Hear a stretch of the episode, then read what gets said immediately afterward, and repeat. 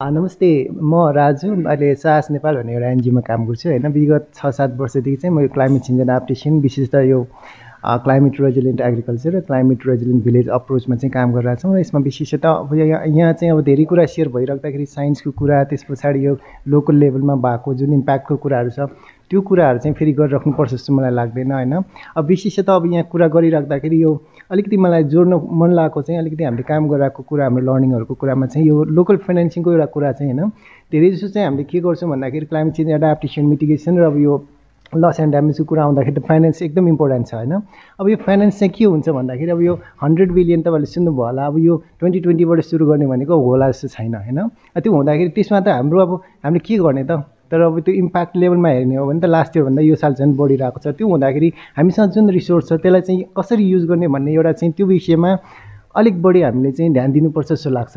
र त्यो त्यति गा गाह्रो जस्तो पनि लाग्दैन मलाई। किन भन्दाखेरि अब हामीले चाहिँ अहिले यो लोकल लेभलमा जुन यो रिस्ट्रक्चर भइसकेपछि पालिकाहरूको बजेटहरू हेऱ्यो भने अथवा इभन वडा तहको मात्र बजेट हेऱ्यो भने पनि अलिकति बिग एमाउन्ट छ कि? जुन हामीले ल्याउने पैसाहरू वडा वडामा बाँड बाँध्यो भने बाँड्यो भने चाहिँ कति पैसा जान्छ त? त्यो त्यो त्यो आधारमा हेऱ्यो भने त हामीसँग भएको रिसोर्स चाहिँ बढी नै छ कि कम्पेरिटिभली होइन? अब त्यो चिजलाई चाहिँ अब हामीले डोजरले बाटो खनेर चाहिँ बिगार्नु भन्दा पनि होइन? त्यो डोजरले बाटो खन् खन्न त खन्नु पऱ्यो नि त होइन? बाटो अब फेरि एउटा डेभलपमेन्ट अप्रोच चाहिँ फेरि हामी बाटो खन्नेलाई मात्रै डेभलपमेन्ट भन्छौँ। अब हेटौँडाबाट यता के अरे काठमाडौँसम्म रोपे ल्याइदियो भने किन हामीले त्यो जुन सुरुङ मार्गको कुरा गरिरहेको छौँ होइन? किन चाहिँ उता नारायणगढ घुम्नु पऱ्यो एउटा ट्रकले चाहिँ? त्यो खालको चाहिँ अप्रोच आउनुपर्छ। डेभलपमेन्टको एउटा अप्रोच छ अब त्यो धेरै कुराहरू आउँछ।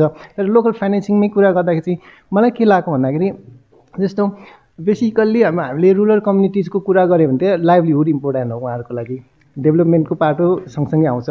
र त्यो लाइभलीहुडको कुरा गरिराख्दाखेरि एग्रिकल्चर जस्तो कुराहरू जस्तो वाटरको कुराहरूमा चाहिँ त यस्तो भइरहेछ इम्प्याक्ट भन्ने कुरा चाहिँ हामीले अवेरनेस त दिनु पऱ्यो एउटा लेभलको क्यापासिटी बिल्ड चाहिँ गर्नुपर्छ कम्युनिटीको त्यसलाई त्यसमा पनि इन्डिभिजुअल लेभल भन्दा पनि कम्युनिटीको ग्रुपहरूलाई चाहिँ स्ट्रेन्डेन गर्नुपर्छ।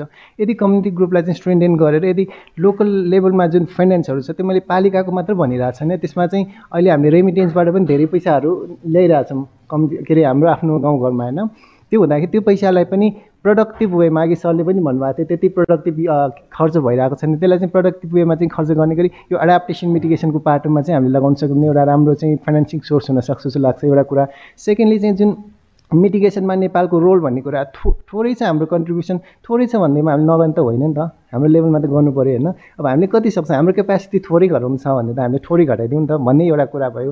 र त्यसपछि त्यो जुन मिटिगेसनमा हामीले रेड प्लस अथवा अरू जुन क्लिन इनर्जीहरूको जुन प्रमोसनबाट चाहिँ अहिले जुन कार्बन फाइनेन्सिङको एउटा अपर्च्युनिटी छ.